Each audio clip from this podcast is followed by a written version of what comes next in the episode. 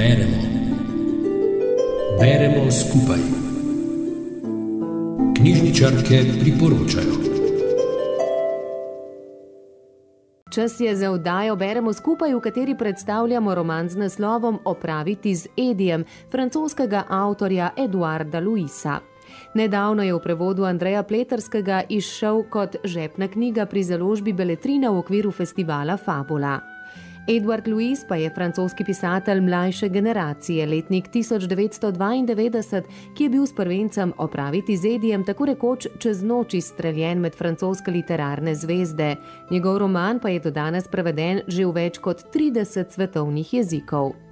Omenjenemu romanu sta sledila še dva, prav tako mednarodno odmevna, ki sta bila ekranizirana in uprizorjena na odrskih deskah po svetu.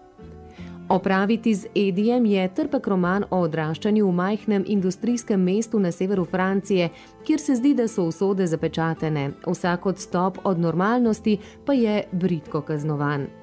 Pripovedovalec zgodbe Edi, fant visokega glasu in krilečih rok, se že od malih nog sklonjene glave srečuje s sramotenjem in blatenjem na račun svojega izgleda in spolne identitete.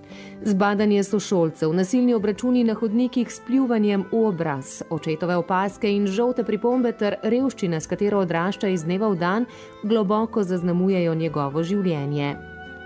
Autobiografska zgodba, ki jo Louis pripoveduje skozi prizmo svoje družine, kjer je največja vrednota biti moški, zanimati se za ženske in nogomet, kritizira sistem in daje glas neslišanim in od družbe odmaknjenim.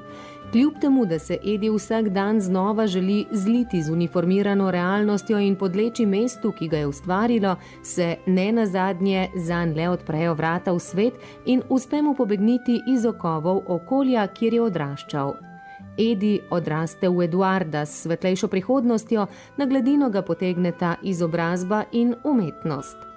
Roman Opraviti z Edijem zareže kot britev in v nas prebudi vrsto vprašanj o neprivilegiranosti v sodobnem svetu, polnem predsotkov, nasilja, revščine in nestrpnosti. Kako zaznamovana so življenja mladih, ki se na obrobnih mestih Francije srečujejo s krizo identitete in brezupom v boljši jutri?